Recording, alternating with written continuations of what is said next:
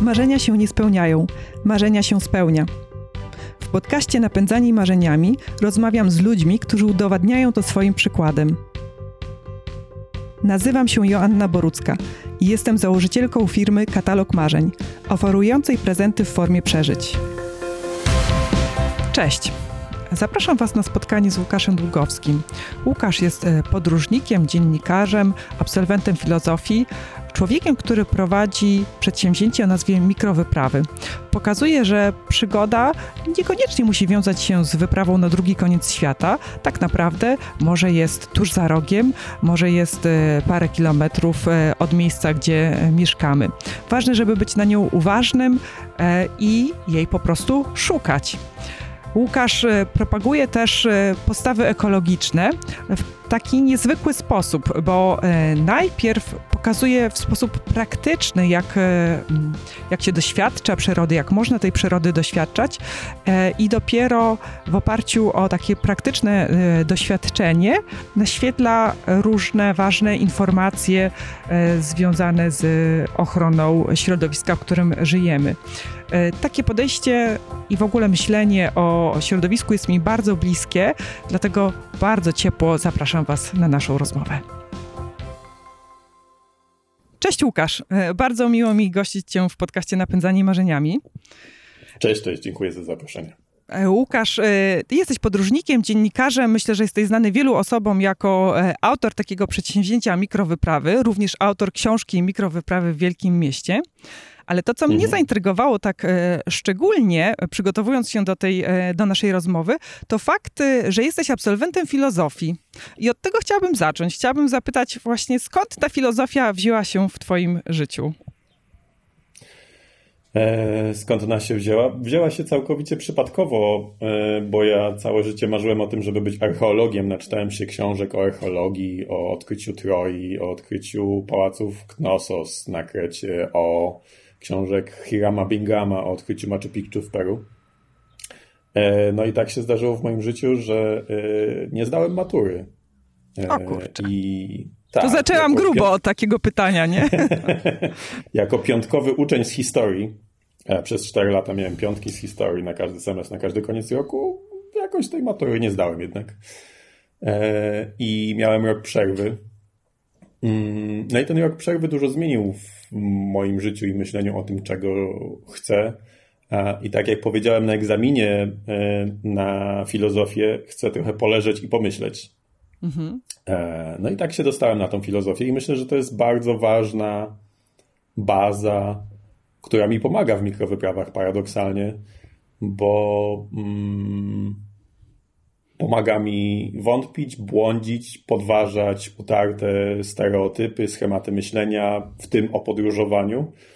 I jak się teraz przekonujemy w czasie tego e, kryzysu, okazuje się, że, e, że to moje myślenie, które się zaczęło dobrych parę lat temu, no teraz pewnie będzie przeżywało swój pik, najlepszy czas. Mhm. Tak, myślę, że to jest taki e, czas, kiedy ludzie sobie zadają różnego rodzaju e, pytania. Ja może dopowiem, że my rozmawiamy 20 kwietnia 2020 roku, czyli jesteśmy tak. Mm, mniej więcej półtorej miesiąca po e, wybuchu, po pojawieniu się w Polsce pierwszego przypadku koronawirusa. Mm, I i w, I w tym kontekście właśnie zapisałam sobie takie pytanie mm, o to, jakie jest twoje dlaczego, tak? Jaki jest twój cel, e, misja?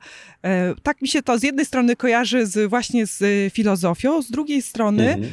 mm, myślę, że to jest w ogóle ważne pytanie. Ja sama je sobie zadałam e, kilka lat mhm. temu, ale to nie o nie chodzi. Wracamy do ciebie. Jakie jest twoje dlaczego? Dlaczego robię mikrowyprawy? Tak. Dlaczego robisz mikrowyprawy? Dlaczego też robisz w ogóle to, co robisz? Bo mikrowyprawy to jest część twojego życia. E, będę cię zaraz o nie pytać, mm -hmm, ale też mm -hmm. założyłeś fundację e, Dziko, napisałeś tak. książkę. Mm, tak.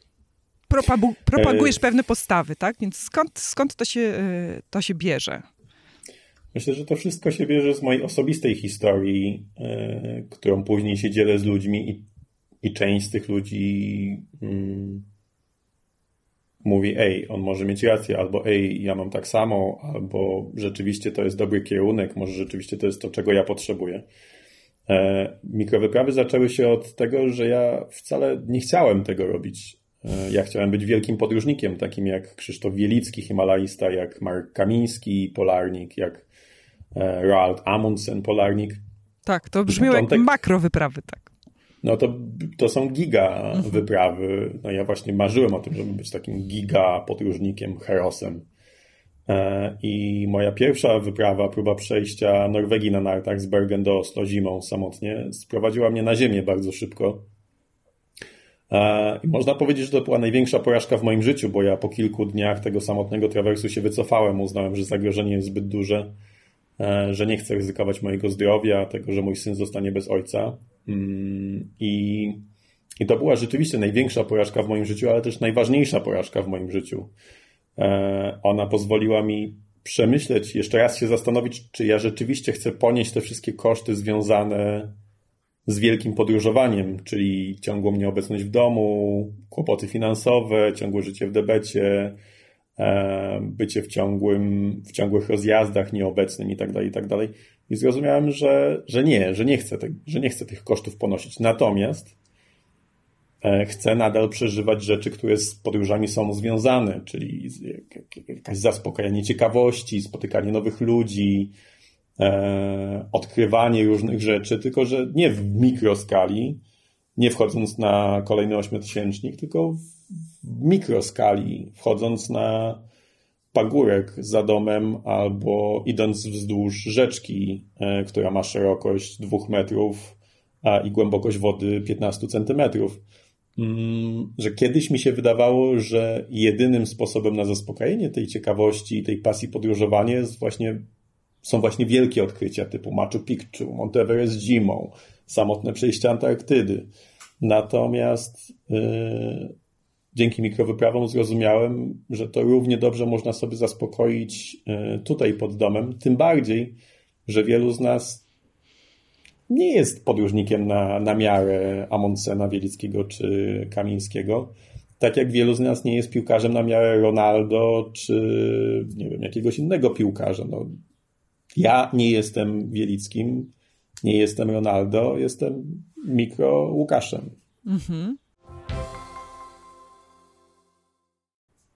A co takiego cię fascynuje w tych e, mikrowyprawach, właśnie w tym pagórku, w tej rzeczce, w tym, co czyha gdzieś za rogiem w większym, mniejszym mieście? No to jest y, zawsze związane z jakąś niepewnością, z odkrywaniem czegoś nowego, z uczeniem się czegoś nowego, ale też bardzo ważnym elementem tych moich mikrowypraw są ludzie i, i spotykanie nowych ludzi. Mm. Więc to mnie fascynuje. Jakby tak naprawdę w tej naszej Polsce, która wydaje się taka nijaka, nudna, nizinna, pokryta tymi borami sosnowymi wszędzie, e, że co już można odnajdować kawałek czegoś nowego, czegoś nam nieznanego. Mhm takie dwie myśli mnie naszły, jak e, opowiadałeś. Jedna to mm, powiedziałeś, że e, ta nieudana wyprawa e, mm, to była największa porażka w Twoim życiu. Mm, mhm. No, w tym moim pierwszym e, odpowiedzi na to moje pierwsze pytanie powiedziałeś o oblanej maturze.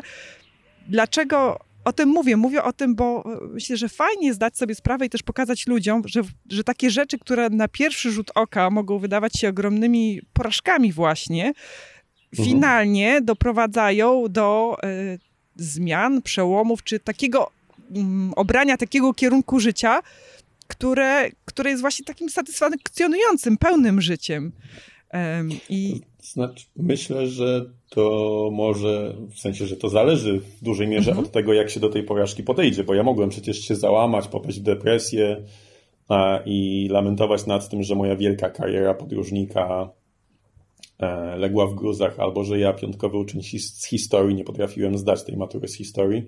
I myślę, że tutaj jest ta rola filozofii, o którą mnie pytałaś, mhm że ona mi pozwala się zatrzymać i spojrzeć krytycznie na to, czego doświadczam i zastanowić się, czy to rzeczywiście jest porażka.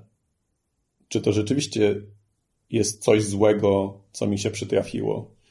Mm, no, mhm. tak.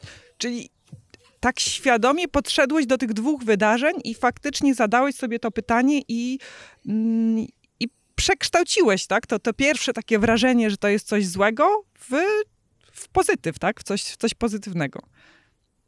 Okay. Tak, tak, tak, mhm. tak, zgadza się. Mhm.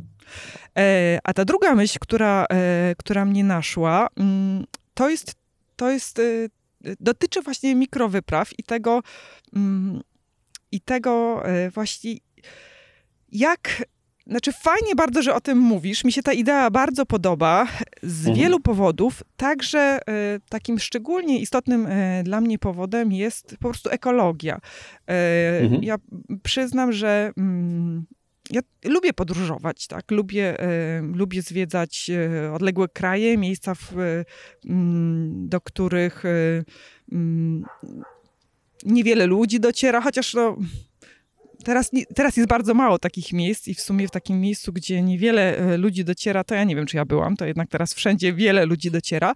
Mm, mhm. Ja poza, e, poza mm, Europą, tak, to, to byłam raptem trzy razy, więc e, tych podróży nie, nie zaznałam jakoś strasznie dużo takich dalekich podróży w swoim życiu i kiedyś myślałam, że ja będę chciała dużo więcej podróżować, ale teraz już tak nie myślę, tak? Teraz już myślę o tym, że no w Polsce jest tak dużo fajnych miejsc, w Europie, w krajach blisko nas jest tak dużo e, fajnych miejsc, że ja nie mam już w sobie takiej potrzeby, żeby, nie wiem, zwiedzić gdzieś tam Azję, czy, czy Afrykę, czy Amerykę Południową.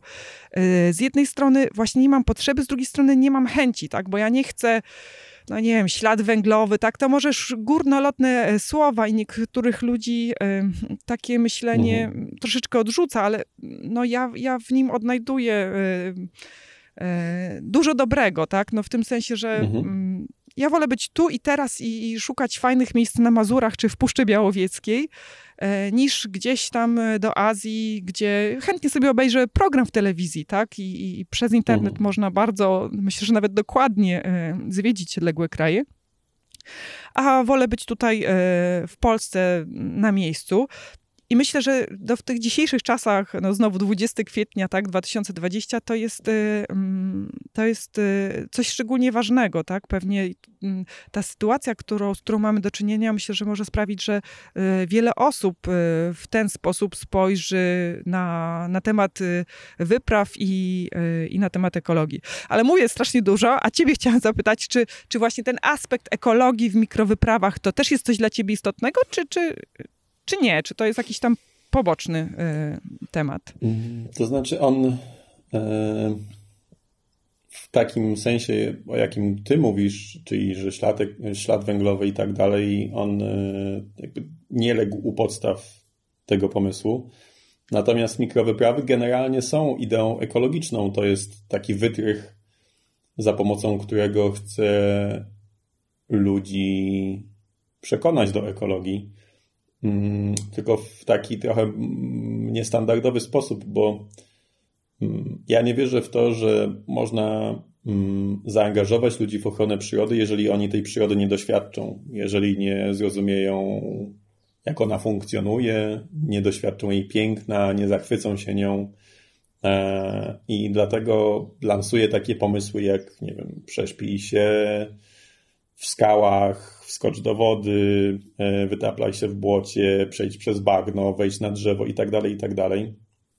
Ja zabieram bardzo często ludzi na tropienie wilków e, do Puszczy Białowieskiej mm, i, i widzę, że oni wyjeżdżają odmienieni po tym, że oni wchodzą jako ludzie, którzy o tych wilkach się może i naczytali trochę, ale w sumie nie doświadczyli tego świata.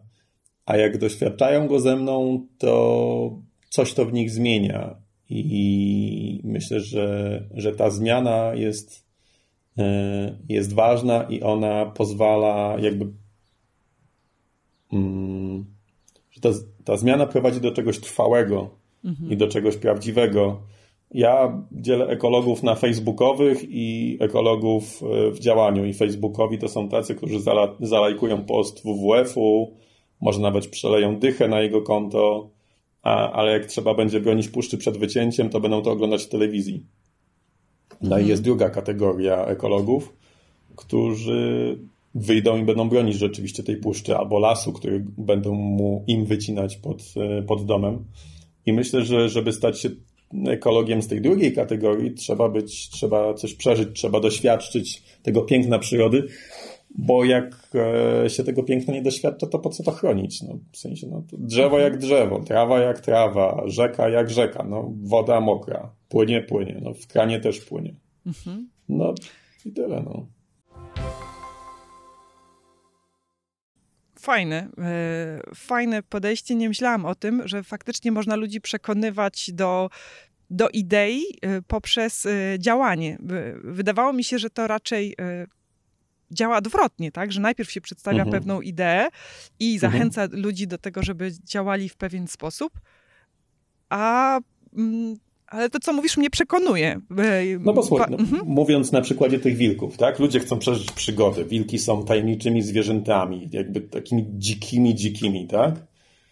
No i przyjeżdżają tutaj do mnie i chcą przeżyć tą przygodę, usłyszeć, doświadczyć, wytropić i tak dalej. No ja im tą przygodę zapewniam. Mhm. Ale jednocześnie im opowiadam, a wilk żyje tak i tak, a wilk potrzebuje takiej i takiej powierzchni, a czy wilk jest bezpieczny, czy niebezpieczny dla nas i tak dalej, i tak dalej. I oni jakby przeżywając tą przygodę, jednocześnie patrzą, jakby zaczynają rozumieć tą przyrodę i zaczynają się zachwycać tym zwierzęciem i rozumieć go nie jak ktoś, kto, nie wiem, przeczytał nagłówek w internetach, tylko ktoś, kto rzeczywiście doświadczył tego świata wilków. Mhm. Um, więc wydaje mi się, że taka zmiana wywołana przez doświadczenie jest silniejsza niż zmiana wywołana przez tłumaczenie chrońmy wilki, bo tak trzeba. Tak. No ale bo... dlaczego trzeba? Mhm. Tak, tak, tak, bo myślę, że mm, ona tak wchodzi głębiej i poprzez emocje, yy, poprzez tak. emocje potem się coś racjonalizuje, a nie odwrotnie, tak? Nie, nie, tak, na, tak, tak, tak, Myślę, tak. że jakby to kognitywistycznie prześledzić, czyli na, na takiej zasadzie, jak działa mózg, to pewnie ta zmiana wywołana przez doświadczenie rzeczywiście byłaby silniejsza u, u dużej części mhm. ludzi niż zmiana wywołana przez przekonywanie. Mhm, mhm. Tak, i to mi teraz uświadamia właśnie, jak ważna jest ta edukacja ekologiczna dzieci, taka w praktyce. Mhm. I myślę, że tutaj jest no, dużo do zrobienia e, w Polsce, właśnie na tych wczesnych etapach życia, prawda? Bo, bo na tych późniejszych już jest trudniej po prostu, tak? Jeśli rodzice nie, nie byli nauczeni jakoś um, tego przeżywania y, przyrody, to, to trudniej jest im y, dzieci tego nauczyć. No tak, tak, tak, tak, rzeczywiście. I to też jest tak, że ludzie się obawiają. Teraz mamy ten 20 kwietnia, wiosnę. E, ludzie dzisiaj mogli wyjść do parków znowu. I to, co się to, co ja widzę w parkach, jak jestem, to widzę rodziców, którzy krzyczą: Nie wchodź, nie dotykaj, nie siadaj, to jest woda, to jest błoto, nie dotykaj, mhm. nie bierz do ręki. I ja myślę, że to jest straszny błąd, który rodzice robią i czynią krzywdę tym dzieciom, bo one są w naturalny sposób ciekawe, chcą poznawać ten świat, a rodzice im mówią: Nie, nie, mhm. nie.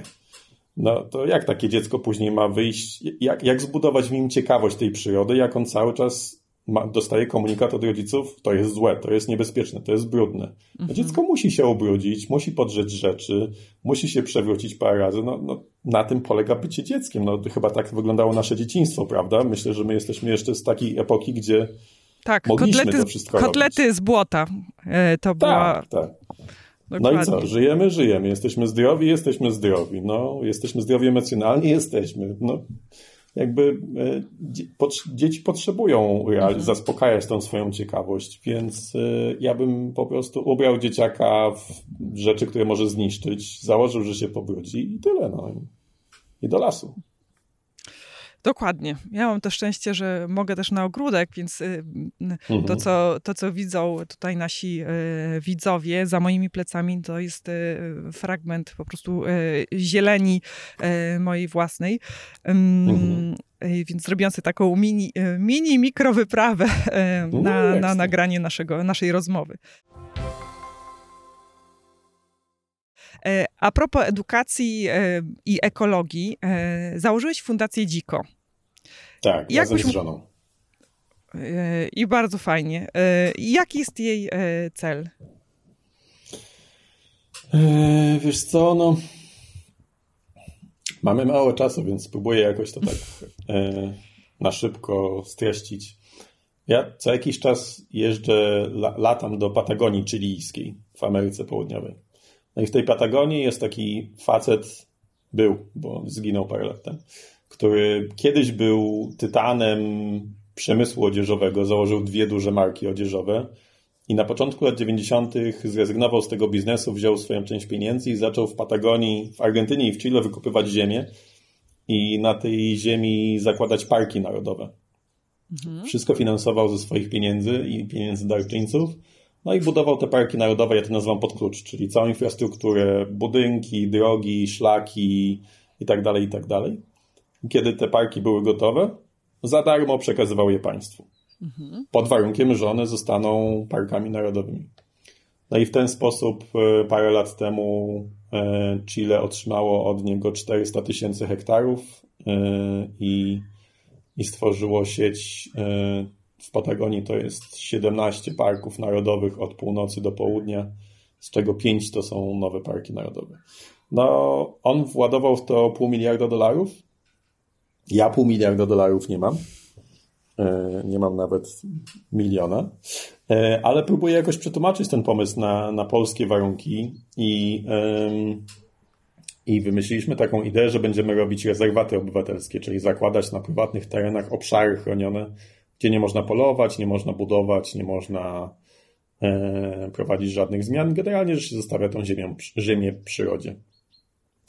Jednocześnie w zeszłym roku e, rozpoczęliśmy taką akcję edukacyjną dotyczącą problemu regulacji rzek. E, to jest bardzo skomplikowany problem, dlaczego uregulowana rzeka jest gorsza dla nas niż dzika rzeka.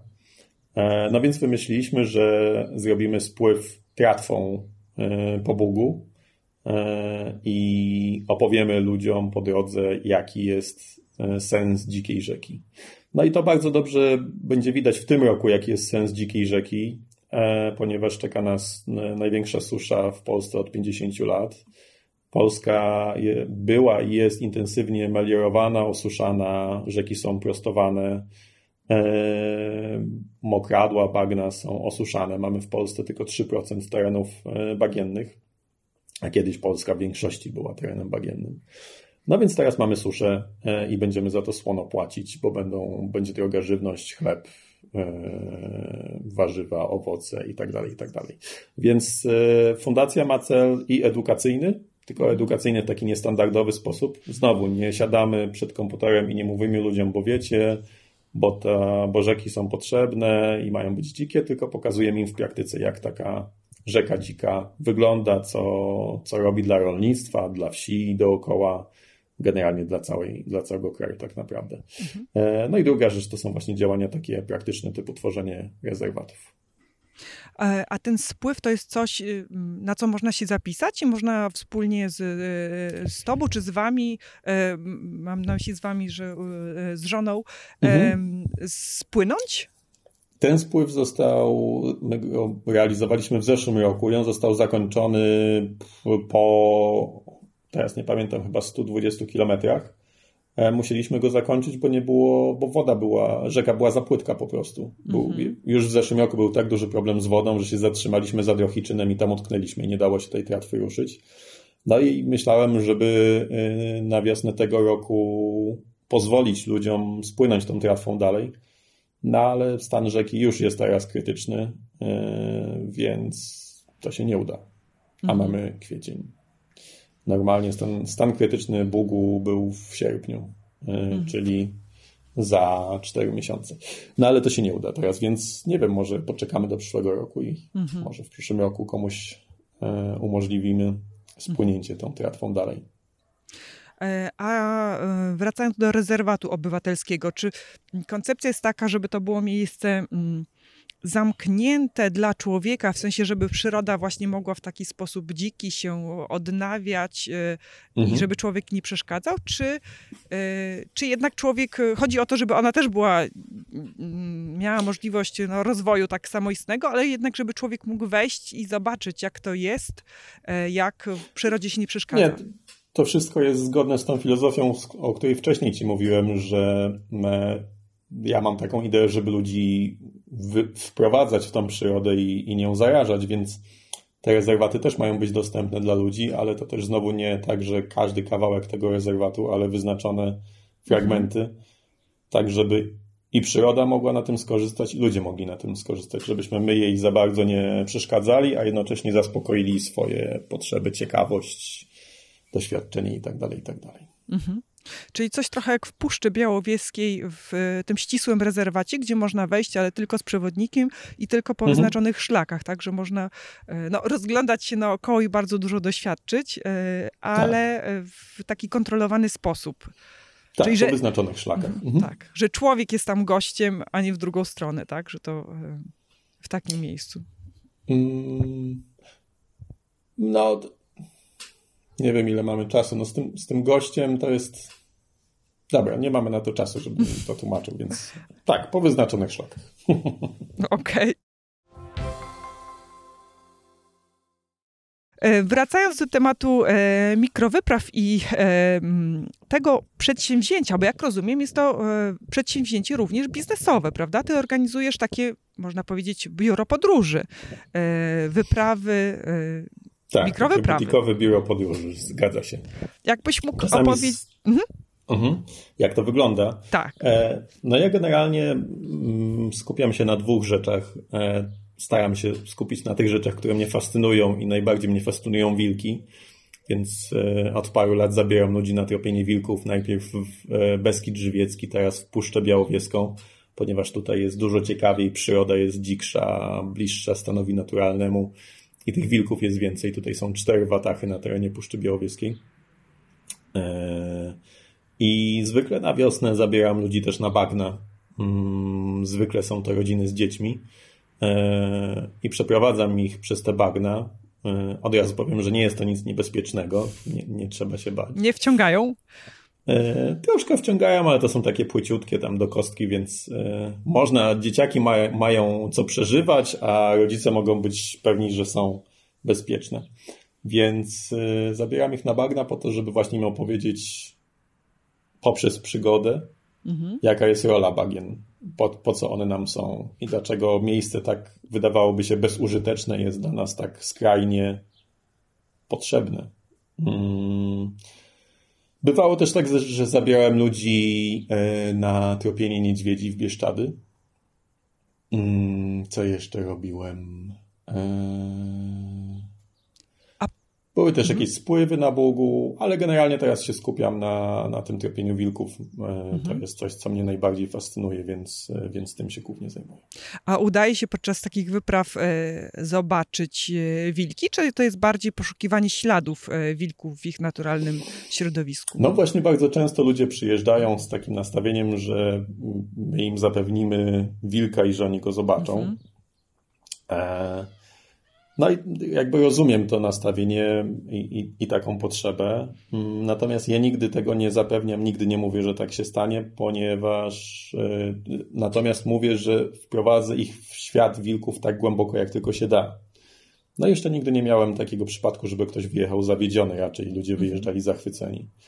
Eee, jest tak, że mm, żeby zapewnić zobaczenie wilka, trzeba by było tego wilka nęcić, czyli na przykład wyrzucić mu jakieś mięso w jakimś konkretnym miejscu, robić to regularnie i wtedy jest pewność, że ten wilk przyjdzie yy, i, i można go zobaczyć. Natomiast jest to nielegalne, jest to nieetyczne i szkodzi to wilkom. I jest też to potencjalnie niebezpieczne dla ludzi, bo jedyny niebezpieczny wilk to jest wilk oswojony lub wilk chory więc, mhm. a poprzez dokarmianie się wilki oswaja. Więc ja tego nie robię, natomiast tak jak mówię, wprowadzam ludzi tak głęboko w ten świat, jak tylko się da. E, no i szczególnie takim silnym przeżyciem dla ludzi jest to, jak ja ich zabieram w nocy do lasu, idziemy przez las e, na polanę. E, jesteśmy na terytorium, gdzie te wilki rzeczywiście występują. Jesteśmy na terenie Wilczej Watachy i wyje do tych wilków. Ty. No i one się czasami odzywają. Raz nas podeszły. E, no i to jest bardzo mocne przeżycie. Nawet jeżeli te wilki się nie odezwą, ani nie, nie, nie podejdą, to, mm, to jednak bycie w nocy w lesie jest takim przeżyciem otrzeźwiającym, że ale to ja jednak nie jestem tutaj na swoim terenie. To jest jednak dzikie miejsce, tu są dzikie zwierzęta i człowiek zaczyna sobie uświadamiać, że, no, że tu jest po prostu kawał dzikiej przestrzeni i, mm, no i że to nie jest wygodna, komfortowa kanapa w e, Cafe Nero w mieście, e, tylko dzicz. Mhm. I to jest dla ludzi bardzo ważne, że mogą tej dziczy doświadczyć. I to w taki bezpieczny sposób, bo e, oczywiście tam nie ma żadnych szans na to, żeby coś się wydarzyło. Mhm. Więc no, to, to jest bardzo fajne. Nawet ja, który jakby wyje z tymi wilkami już parę dobrych lat. Za każdym razem, jak stoję w nocy w tej puszczy na tej polanie, świeci księżyc, jest ciemno, to e, no, mam ciarki na plecach. Mhm. Aż e, nie chcę powiedzieć, że sobie to wyobrażam, bo sobie tego nie wyobrażam. E, z wielką chęcią bym tego doświadczyła.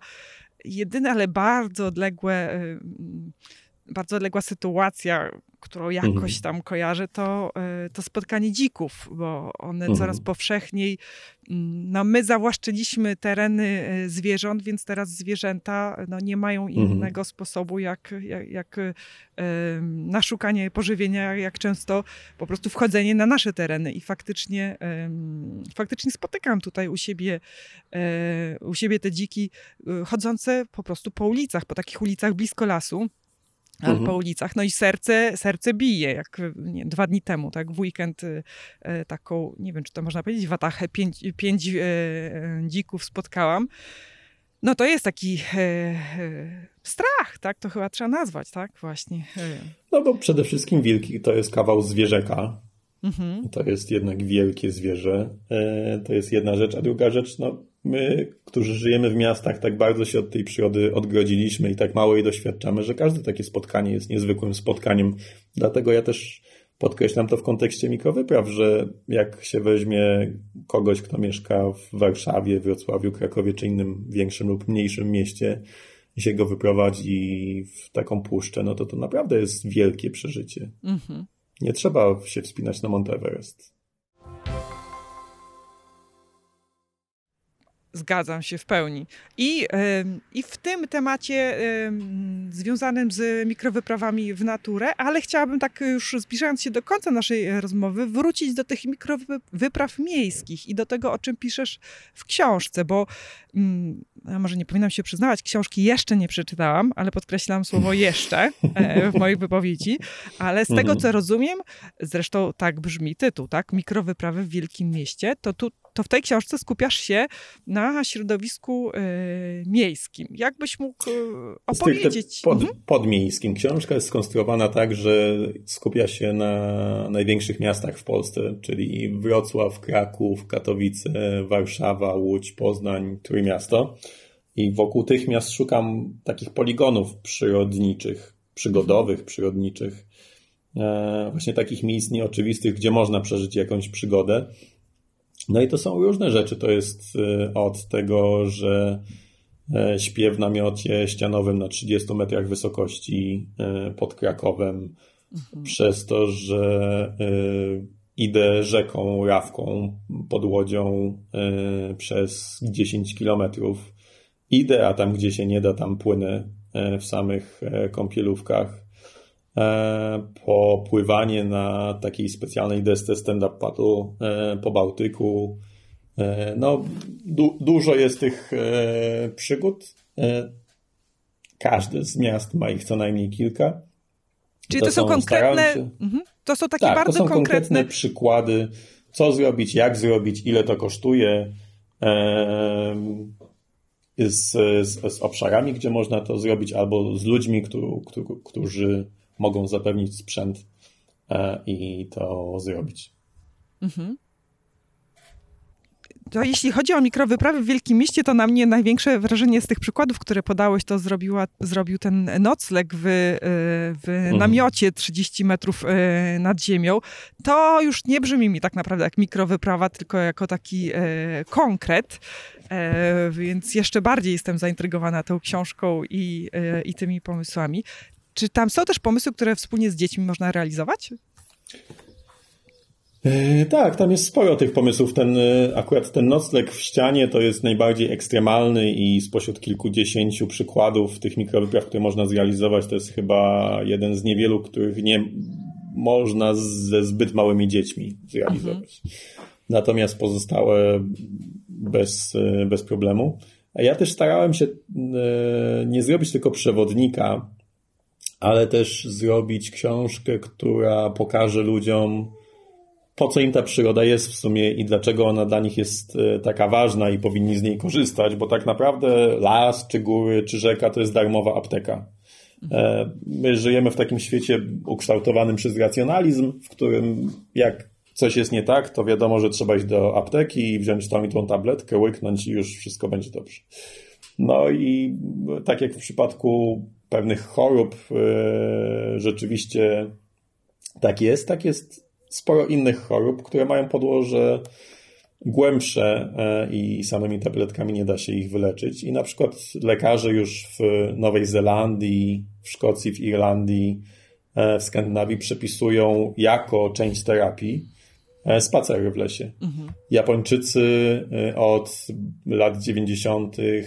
badają coś, co nazywają Shinrin-yoku, czyli kąpiele w lesie i badają ich wpływ na ludzki organizm i już wiemy, tych badań jest ponad 100, że przebywanie w lesie zmniejsza objawy ADHD u dzieci, że zmniejsza poziom stresu, e, spowalnia tętno w organizmie i tak dalej, i tak dalej. Że generalnie jak my idziemy do lasu i mówimy, no wreszcie mogę złapać oddech, to to ma bardzo konkretne znaczenie dla naszego organizmu i dla tej warstwy czysto fizycznej i tej psychicznej, emocjonalnej.